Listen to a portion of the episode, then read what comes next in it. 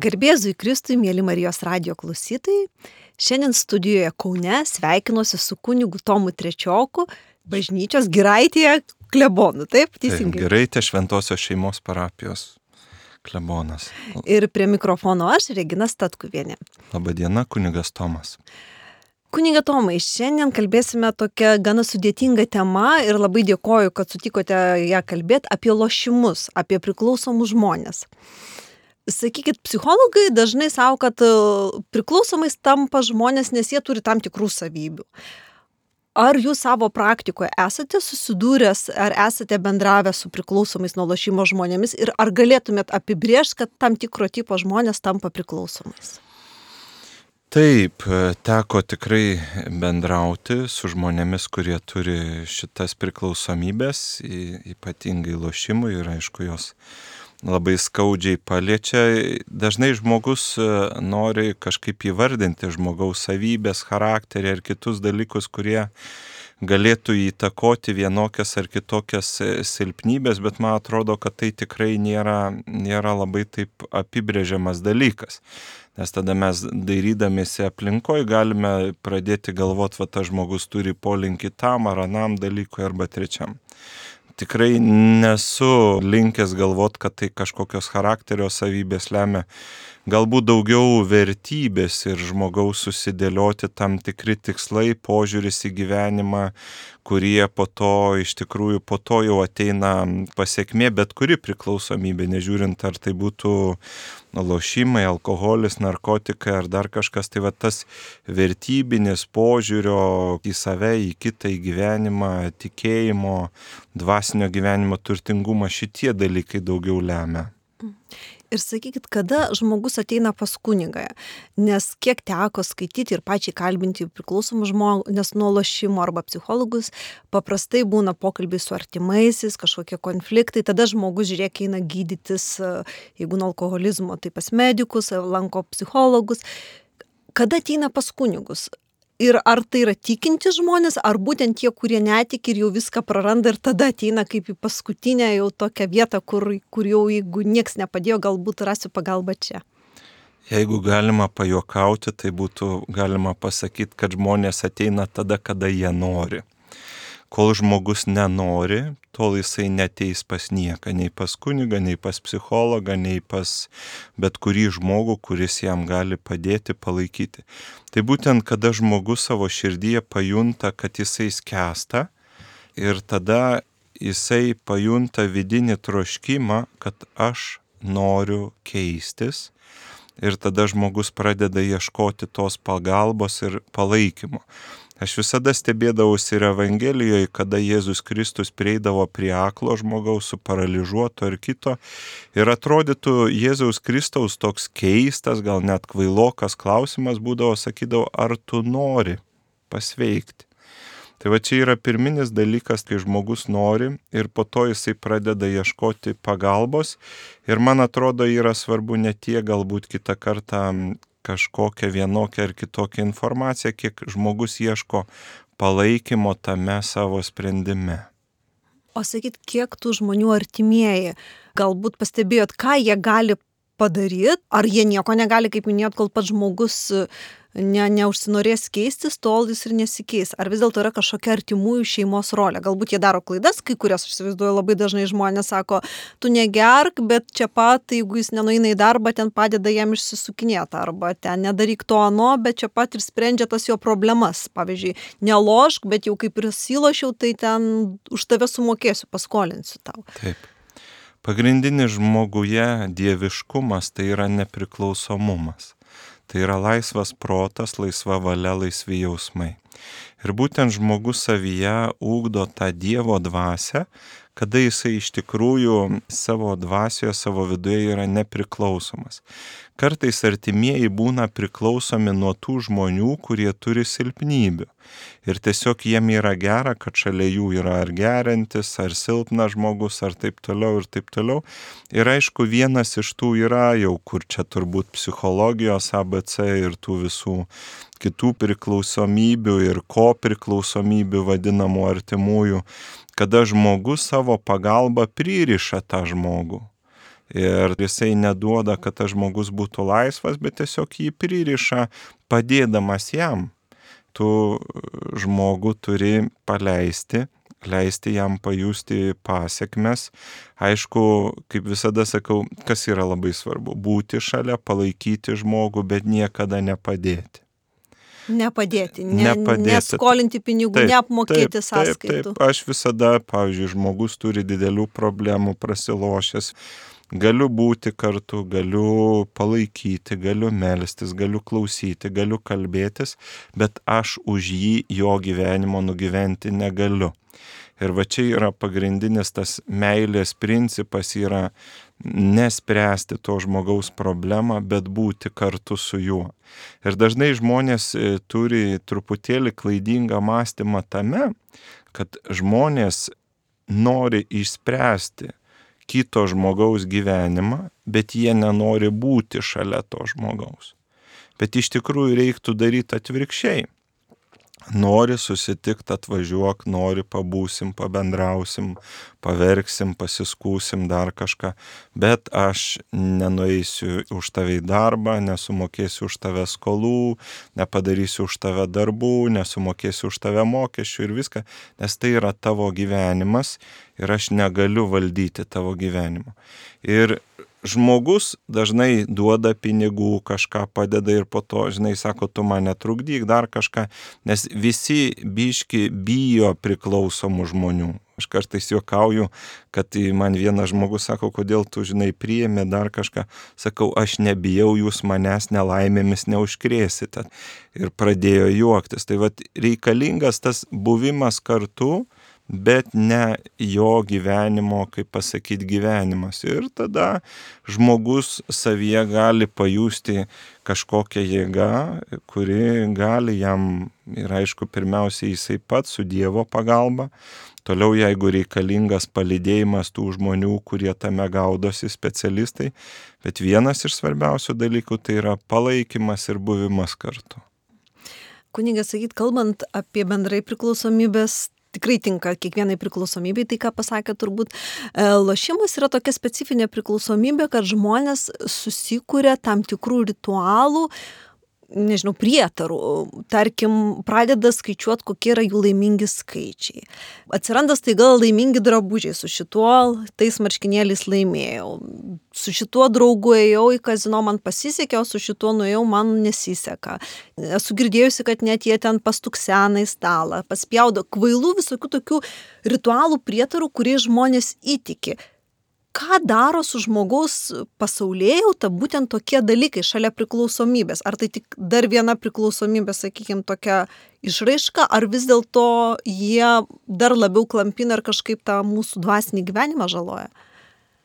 Taip, jūs esate teisi ir pavyzdžiui, vienas iš pirmųjų sakymų yra neturėk kitų dievų, tik tai mane vieną.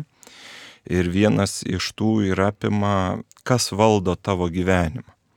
Ir labai dažnai žmonės religiją, tikėjimą, bažnyčią priskiria prie tokių nemokslinių, netikrų, net nestabilių, kažkokių ant oro pakabintų dalykų ir nesąmonė galima liaudiškai pasakyti, ne, kad kiti turi tokią nuomonę.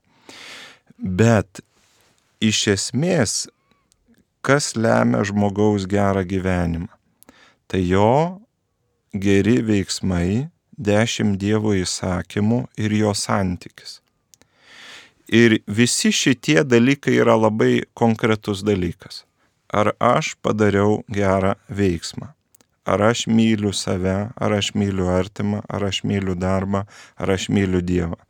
Toliau mes einam per dešimt Dievo įsakymų ir kaip šventajam rašte parašyta, rinkis gyvenimą arba mirti rinkis laimę arba nelaimę. Jeigu tu šitų dalykų laikysies, tu būsi laimingas, tu klestėsi, tavo veikla klestės ir taip toliau. Tad mūsų santykis su Dievu ir su laimingu gyvenimu, jeigu taip galima būtų pasakyti, yra per santyki gerą ir per gerus veiksmus.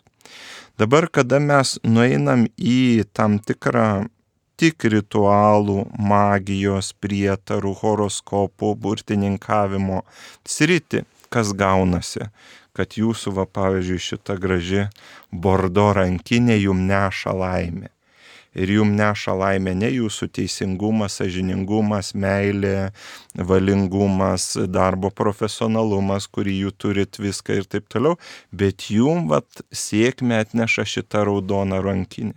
Ir reiškia, jūs tada visą gyvenimą atpalaiduojat ir stengiatės nusipirkti šitą rankinę, užsidėti. Nenešiot, spintoje laikyti. Taip, ir va čia va yra tas elementas dar, kad mano laimingumą lemia išoriniai veiksmai. Tai reiškia kažkoks daiktas, kažkoks žmogus, kažkokia situacija, kažkokie skaičiai, kažkokia magija, jie lemia mano sėkmingą gyvenimą. Ir čia yra iš kitos pusės aukos mąstymo tokia pradžia nes aš visada esu įkalintas aplinkybės. Ne aš kuriu aplinkybės, ne aš kuriu santyki, ne aš kuriu materialumą ir dvasingumą, bet aš iš kažko turiu tą pasiimti. Ir va čia va yra, vėlgi protas visada turi savo kelionę, kai aš vadinu, va, pavyzdžiui, tau žmogus įžeidė, įskaudino ir tu gali tą situaciją analizuoti, analizuoti, analizuoti, kol tu išeisi į nemiką, gal net į beprotystę. Bet jeigu tu savo viduje pasakysi, žiūrėk, mano mintis ir mano protas yra neteisingam kelyje ir aš pagalvosiu apie gėlės, apie dangų, apie Dievą, apie mylimus žmonės, dar kažką. Ir tu nueini į kitą kelią savo mintimis.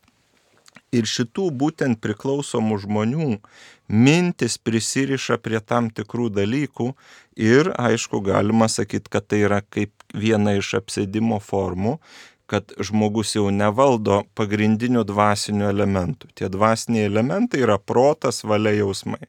Tai ar mano protas laisvas? Ne, nelaisvas, aš galvoju apie lošimus. Ar mano valia laisva, ar aš galiu pravažiuoti, lo, nelošti? Negaliu, taip. Jausmai. Jeigu aš to negaunu, mano jausmai blogi. Ir tai apibrėžia tą priklausomumą nuo ar lošimų, ar kitų dalykų. Ir aišku, tada žmogus ieško tų aplinkybių, ne kurti kažką, bet ieško palankių aplinkybių, kad būtų laimingų. Lygiai tas paslošimas ar kiti priklausomybė, tai yra išorinis būdas, kuris mane padarys laimingu.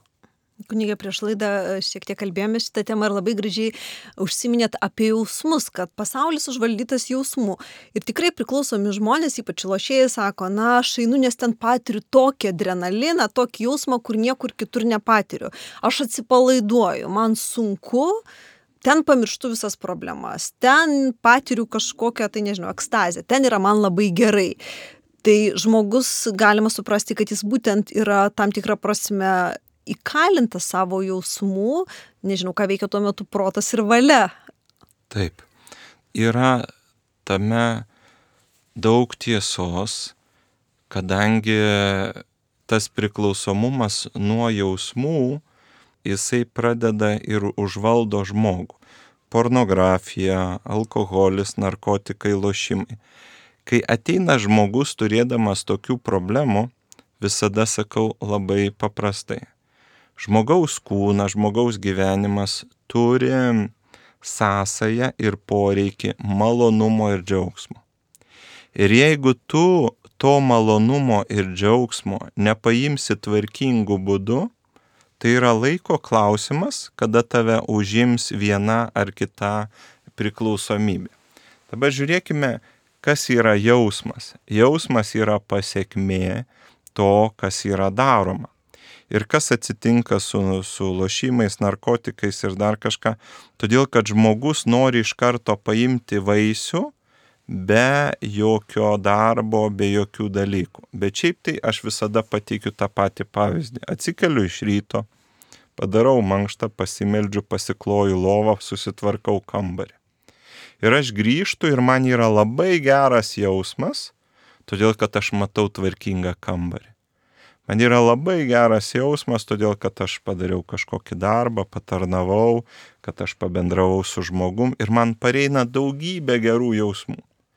Ir aš rytoj matysiu tvarkingą kambarį, rytoj žinosiu, kad yra mano draugai, pažįstami, Dievas, malda ir taip toliau. Ir mano jausmai yra gaivinami. Arba kitas variantas - atsikelti iš ryto, išgert 50 gramų, nueit palošti, pauostit, parūkyti žolės, galbūt kažkokie seksualiniai malonumai.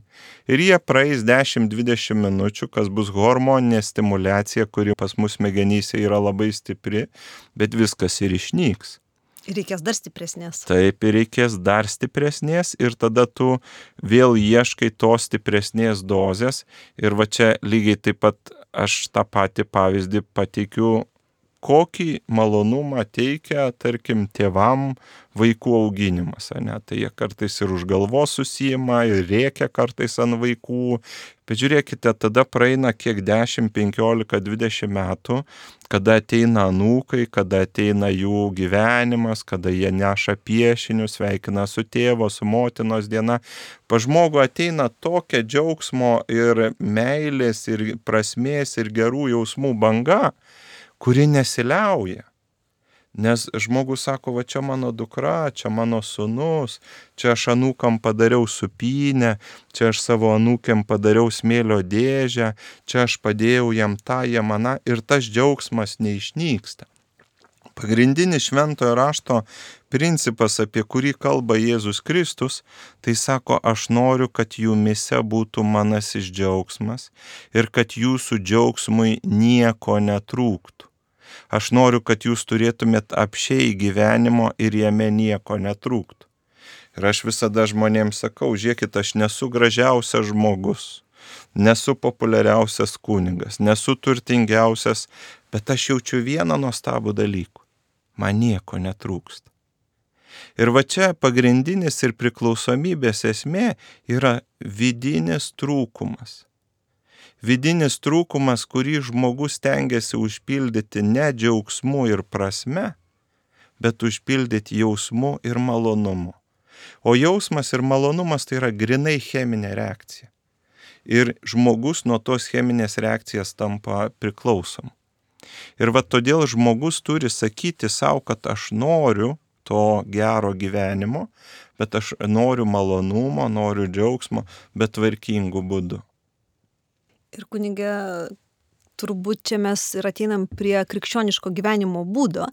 Yra toks labai gajus stereotipas, aš nežinau, ar iš sovietmečio, ar iš dar kažkuris, kad tikinti žmonės, na, tokie paniūrė, liūdni, be džiaugsmo, tai vienas, o kitas, kad jie nelaisvi, jie įkalinti, jie eina į bažnyčią, jie turi melstis, žiūrėk tam tikrų dešimt dievo sakymų laikytis ir taip toliau ir panašiai.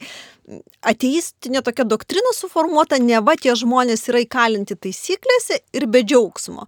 Nors, kaip matom, turbūt atvirkščiai ta deklaruojama laisvė ir tas deklaruojamas džiaugsmas iš tikrųjų ir yra nelaisvė, nes žmogus tampa tarsi aplinkybių, pojūčių, hormonų savo vergas, iš kitos pusės jis nebeturi džiaugsmo, nes to džiaugsmo mygtuko spaudyti reikia dar ir dar.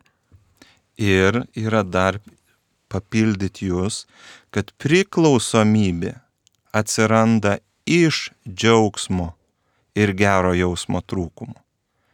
Ir va čia dažnai tiek moterim, tiek vyram būna toks gyvenime momentas. Turėsiu pinigų, turėsiu karjerą, turėsiu gerą darbą, turėsiu gražią moterį, turėsiu viską ir man bus nesvarbu jausmai ir džiaugsmas. Ir tada žmogus ateina, jisai žiūri, turi diplomą, turi gerą darbą, turi prestižinę vietą, viską, bet jis neturi džiaugsmo, jis neturi malonumo, nors jis pasaulio akim yra laimėtas. Taip. Dabar lygiai ta pati garsi lošimo istorija, kur su tais fondų pinigais, kur ten virš 30 ar 40 milijonų žmogus pralošė, tai aišku yra labai paprastas, ten jokio teisimo, smerkimo, bet aš manau, kad iš esmės tas žmogus jau buvo turtingas, jisai jau užėmė geras pareigas, jisai kiek matosi iš vaizdo klipų, iš nuotraukų, jisai net ir gražus. Ir tada žiūrim, gražus vyras, karjeroj pasiekęs aukštumas, tikrai turintis ir finansinę padėtį, visuomeninę padėtį, bet vis dėlto to žmogaus gyvenime gal buvo didžiulė tuštuma. Ir va būtent ta tuštuma jinai ir pagimdo įvairiausias priklausomybės tame tarpe ir lošimą. Kitas dalykas, kada žmogus pradeda galvoti, kad pinigai arba statusas išspręs visas jo problemas. Jie padeda, bet jie visko nesprendžia. Kitaip tariant, yra turtingas ne tas, kuris turi daug, bet tas, kuris moka džiaugtis tuo, ką turi. Taip, ir turtingas yra tas, kuris nejaučia trūkumų. Pavyzdžiui, dabar kodėl Ukrainai kitur vyksta karai. Ne dėl to, kad tai yra kalbama apie tai, kad Rusijos prezidentas vienas turtingiausių pasaulio žmonių ir taip toliau ir taip toliau. Bet žmogus, kuris turi vidinį didžiulį trūkumą, kuris negeba kažko sukurti, padaryti, tai lieka tik tai kariauti, pavydėti, žudyti ir taip toliau. Ir vat pagrindinis dalykas, su kuo žmogus turi visada kovoti, tai kad manyje nebūtų vidinio trūkumo. Ir kartais, kaip klausia apie jaunimą, kunigė, kad jaunimas, vaikai, dar kažką, tai sakau, aišku, priklausomų žmonių vienas iš tokių bruožų tai būna tas, kad jie sunkiai bendrauja.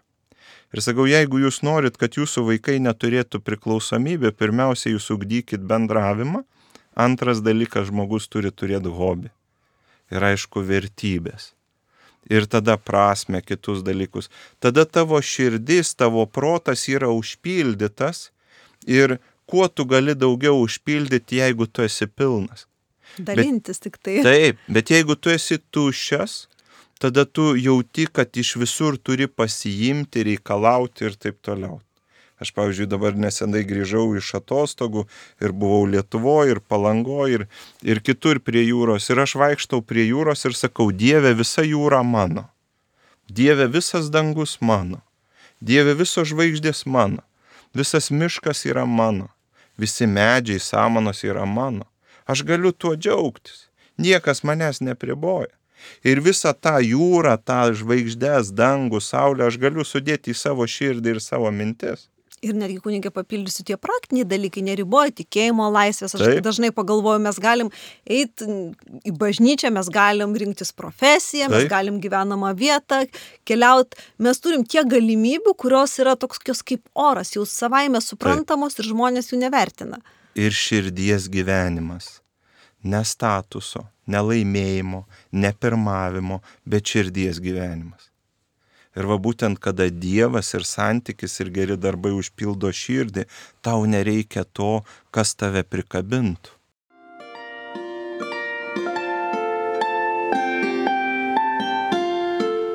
Jūs girdite Marijos radiją.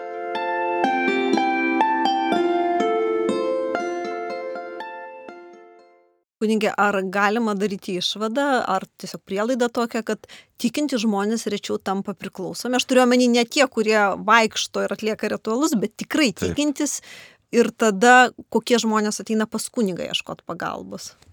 Bendri skaičiai, aš manau, kad visada yra sudėtinga, nes yra nemažai ir tikinčių žmonių, kurie yra priklausomi, bet matot, tikėjimas vėlgi yra toksai vertybinis dalykas ar tu tiki į Dievų kaip tą, kuris tau turi duoti, tada toks Dievas tau nieko nepadės, ar tu tiki į Dievą, kuris yra šalia ir myli tave.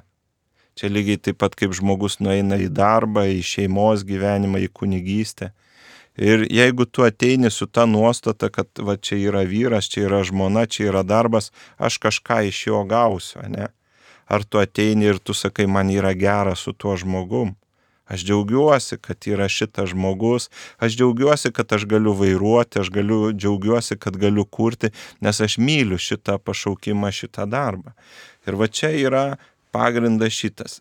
Tikėjimas yra užpildas kurio žmogus dabar mes niekad gyvenime taip gerai negyvenom. Šito žmonės gali pykt, gali nepykt, bet nei jo gailos, nei Vytauto laikais nebuvo nei pensijų, nei ligoninių, nei kitų dalykų. Nuo apendicito galėjo mirti tiesiog. Taip, taip, žmogaus gyvenimo trukmė buvo 40-30 metų ir taip toliau.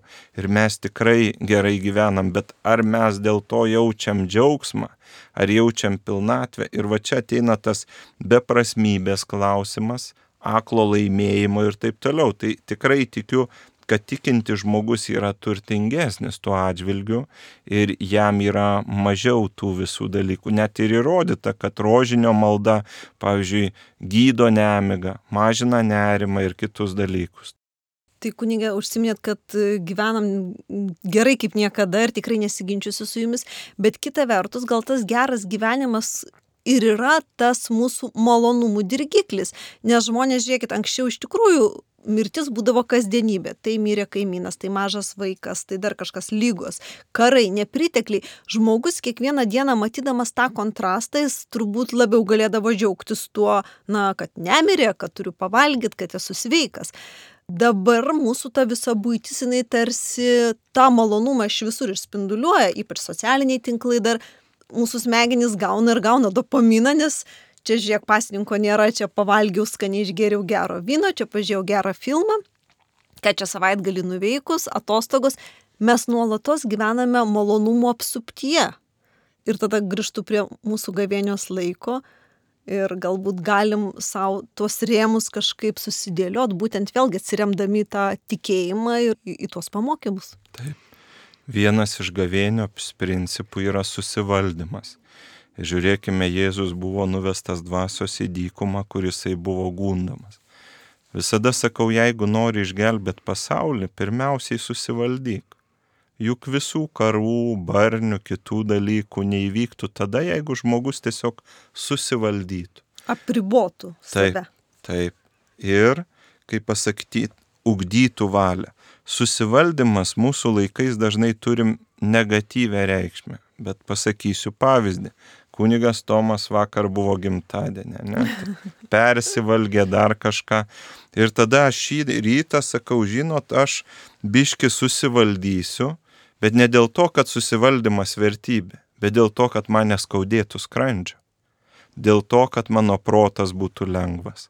Dėl to, kad mano mintis būtų švarios. Ir va būtent susivaldymas, jis turi aukštesnę reikšmę.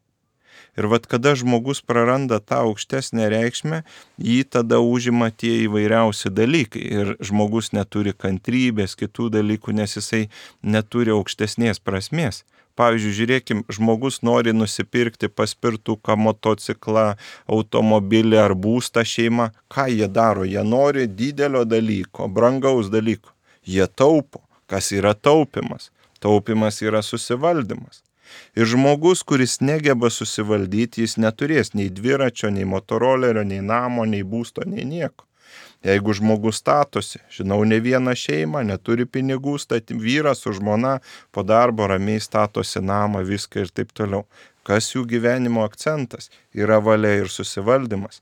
Bet ne dėl to, kad jie turėtų mažiau, bet dėl to, kad jie nori turėti daugiau.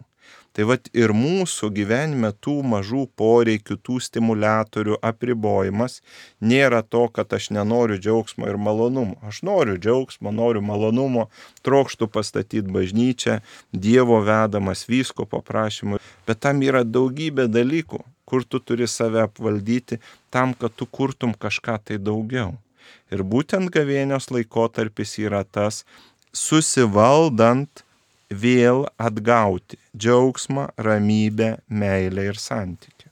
Tai galima sakyti, kad e, netgi kiekvienas žmogus, kuris į tą gavienę pažiūrės, sakykim, tegul ir formaliai, tegul nors Taip. dažnai savo, kad gavienė, na, vad pasninkas ir susivaldymas, tai čia reikia labai išjausti ir negali būti dieta. Bet aš galvoju, O gal ir gali būti, jeigu žmogui yra sunku, pradėti nuo to, nuo formalaus. Gal jis labai ir nesusimastys, bet susivaldysiu, ne, nežinau, nuo alkoholio, nuo maisto, nuo lošimų, nuo kažko. Tiesiog formaliai, o paskui ateis ir supratimas vardant ko. Ar taip galima? Taip, ir aišku, matot, visi suvokimą biškip, man atrodo, per daug sureikšmina. Todėl, kad nesuvokimas esmė. Jeigu žmogus žiūrėtų savo gyvenimą, daugybę veiksmų lemia nesuvokimas tu turi turėti kažkokias vertybės, kažkokius dalykus ir kartai žmogus per daug viskam bando tokių žinių suteikti ar taip toliau ir taip toliau. Bet iš tikrųjų, vad gavienės laikotarpis gali būti, kad tu visiškai savęs neapkrauni ir tikrai esu liūdininkas kaip kunigas, kad per gavienę, per adventą Dievas sustiprina valią. Žmogus ateina prie altoriaus prieš Dievą ir sako, mane vargina žudo lošimas mane žudo alkoholis, mane žudo narkotikai, mane žudo, Dieve sustiprink mano valią. Ir žmogus nori susivaldyti dėl to, kad jo gyvenimas eina į pražūtį. Ir vad būtent tą susivaldymą turėti dėl tam tikro aukštesnio tikslo, bet dėl vidinės laisvės. Nes žmogus, kuris, pavyzdžiui, moka taupyti pinigus, jisai daugiau jų gali išleisti negu tas žmogus, kuris yra švaistūnas. Tai va būtent gavėnios laikotarpis ir yra tas, kada tu save sujami, bet tu sujami dėl Dievo ir su Dievo pagalba. Vėlgi, mes nesam pasaulio dvasioje. Pasaulioje dvasioje žmogus sako, aš viską savo protų, savo gale, savo valia pasieksiu, ne? Ir dažnai žmogus prapuola įvairiausiose silpnybėse.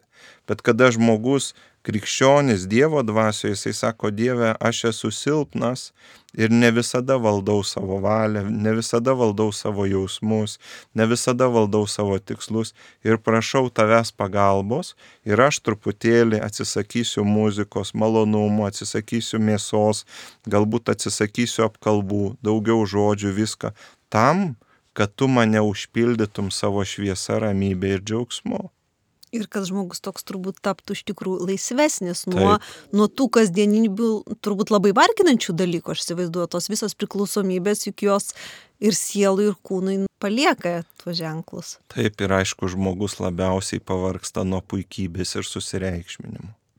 Jeigu žmogus suvoktų, kad jį myli jo artimieji, jeigu žmogus suvoktų, kad jį myli Dievas toks, koks jis yra, žmogus dėl daug ko taip nevargtų bet žmogus bijo būti atstumtas, žmogus bijo būti nepriimtas, žmogus bijo būti menkesnis. Ir tada žmogus vieni vargsta dėl grožio, kiti vargsta dėl pinigų, kiti vargsta dėl kitų dalykų tam, kad tik pasauliu įtiktų. Bet kada tu savo esme, savo vidum, savo tikėjimu, visų savo kūnų, širdim ir mintim jauti, kad tu esi mylimas, tu niekada nebūsi varginamas įvairiausių kitų dalykų. Tai va čia irgi yra labai svarbus tas momentas pajusti, kad aš esu Dievo mylimas toks, koks esu. Ir tas paprastumas Dieve. Nes būtent žmogų ir kamuoja ta pasaulio užvaldymo mintis. Žmogų vargina pirmavimo mintis. Žmogų ir visi šitie dalykai vargina. Tu gali siekti visko, siek pinigų, siek grožio, siek sveikatos, bet ne tokiu būdu, kad tai tave sekintų ir vargintų.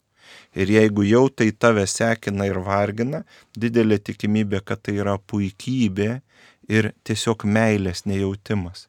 Aš jaučiu, kad aš esu nemylimas, nemylima, todėl aš nupirksiu visų meilę savo kūnu, savo pinigais ir savo pasiekimais.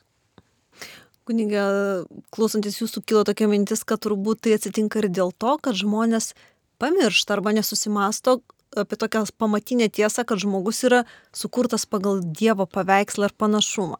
Ir kai aš nesijaučiu esas sukurtas pagal Dievo paveikslą ir panašumą ir kitame to nematau, tai tada ir ateina tas noras matyti užpildytą tuštumą, vis gerint, vis tobulint save kartu suvokiant, na, kad tai yra nepasiekiama. Taip. Jūs esate teisi, bet aišku, mes dar turim tokią aplinkybę labai stiprią, tai yra kapitalizmo, marketingo principai, kur tu įsijungi televiziją, internetą ir tave nuolat įtikina, kad tau kažko trūksta kad tau kažko reikia, kad tau reikia būtent to, kad tau trūksta to, kad tau trūksta no. Ir kartai žmogus tikrai savo vidui tada pradeda jausti iš tikrųjų, aš žiūriu kitų gyvenimus, kitų kūnus, kitų pasiekimus ir aš to viso neturiu. Ir tada marketingas jis gali parduoti paslaugą daiktą, jis užpildi to, ko tau trūksta. Kodėl aš visada mėgstu būti gamtoje?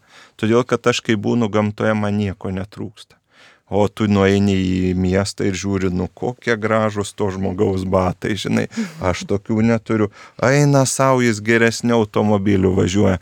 Nu tai gal ir va tos vidinės lenktynės, bet tu juose turi save pagauti.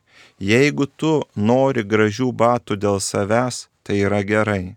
Bet jeigu tu nori gražių batų dėl kito ir pralenkti, jau tu kalinys jau tu kalinys kitų nuomonės, aplinkos ir taip toliau.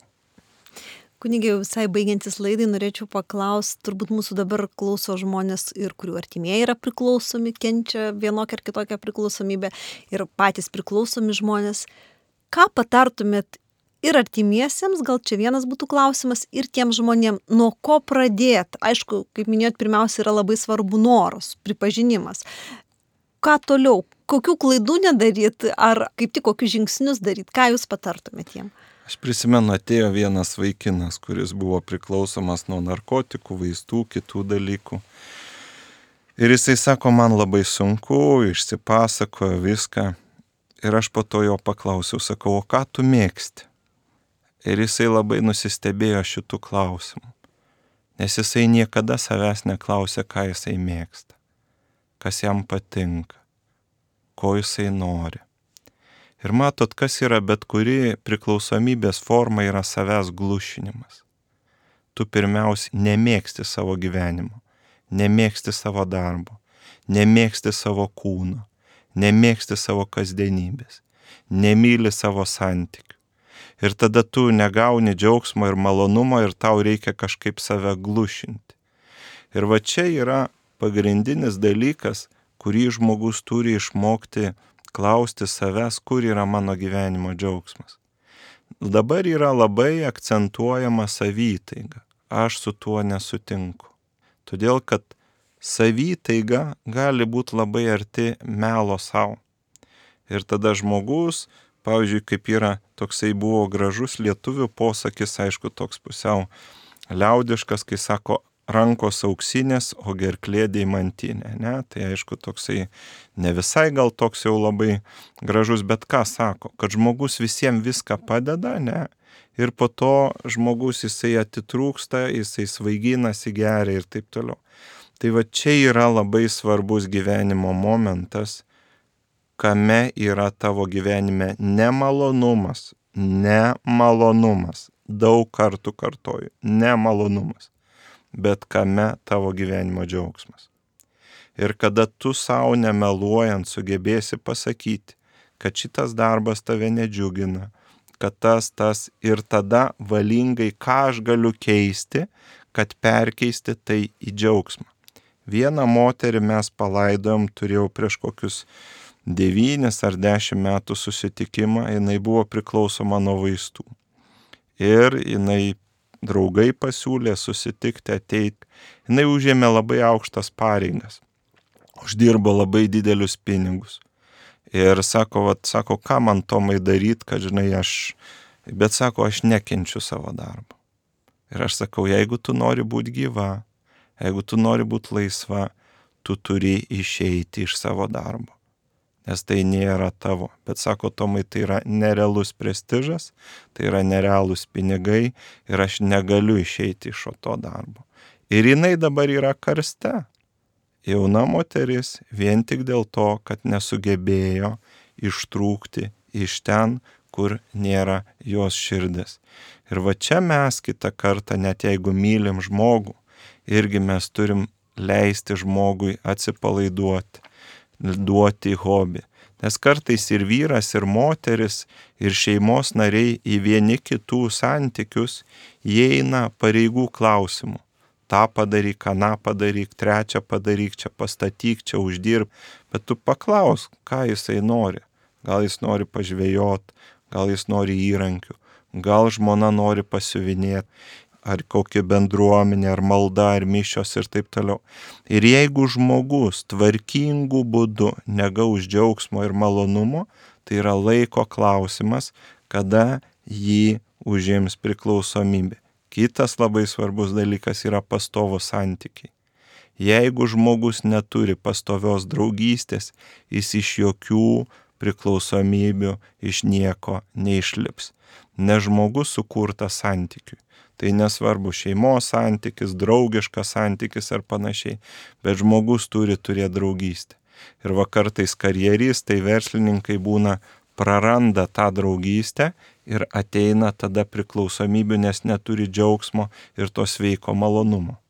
Kunigė, paminėjote ir aš dabar prisiminiau, kaip tėvai augina vaikus neleidžia būti vaikais, aš žiūriu darželinukai, jau jie turi krūvas pareigų. Taip. anglų kalbos kursai, kažkokie sporto bureliai, mano vaikas jau penkių ar keturių ar ten kuo anksčiau turi skaityti, vaikai nepatiria vaikystės džiaugsmo. Ir kai pasakai, kad, na, mano vaikas yra tiesiog vaikas ir Taip. jisai džiaugiasi, jisai nelanko burelių, nes jam dar tik tai ten septyneri ar aštuoneri ar dešimt.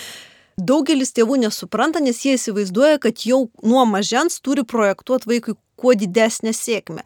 Bet kartu turbūt tas vaikas ir neišmoksta džiaugtis, jis tik tai išmoksta pareigas, privalu atitikti lūkestį, privalu įgyti žinių, o tam džiaugsmui vietos ir nebėra. Mylėti patį gyvenimą mylėti žmogų, mylėti santyki, bet nemylėti tikslus, užduotis ir pasiekimus. Ir šių laikų žmogus praranda meilę gyvenimui, meilę žmogui, meilę Dievui, bet jis turi užduočių ir tikslų mąstymą.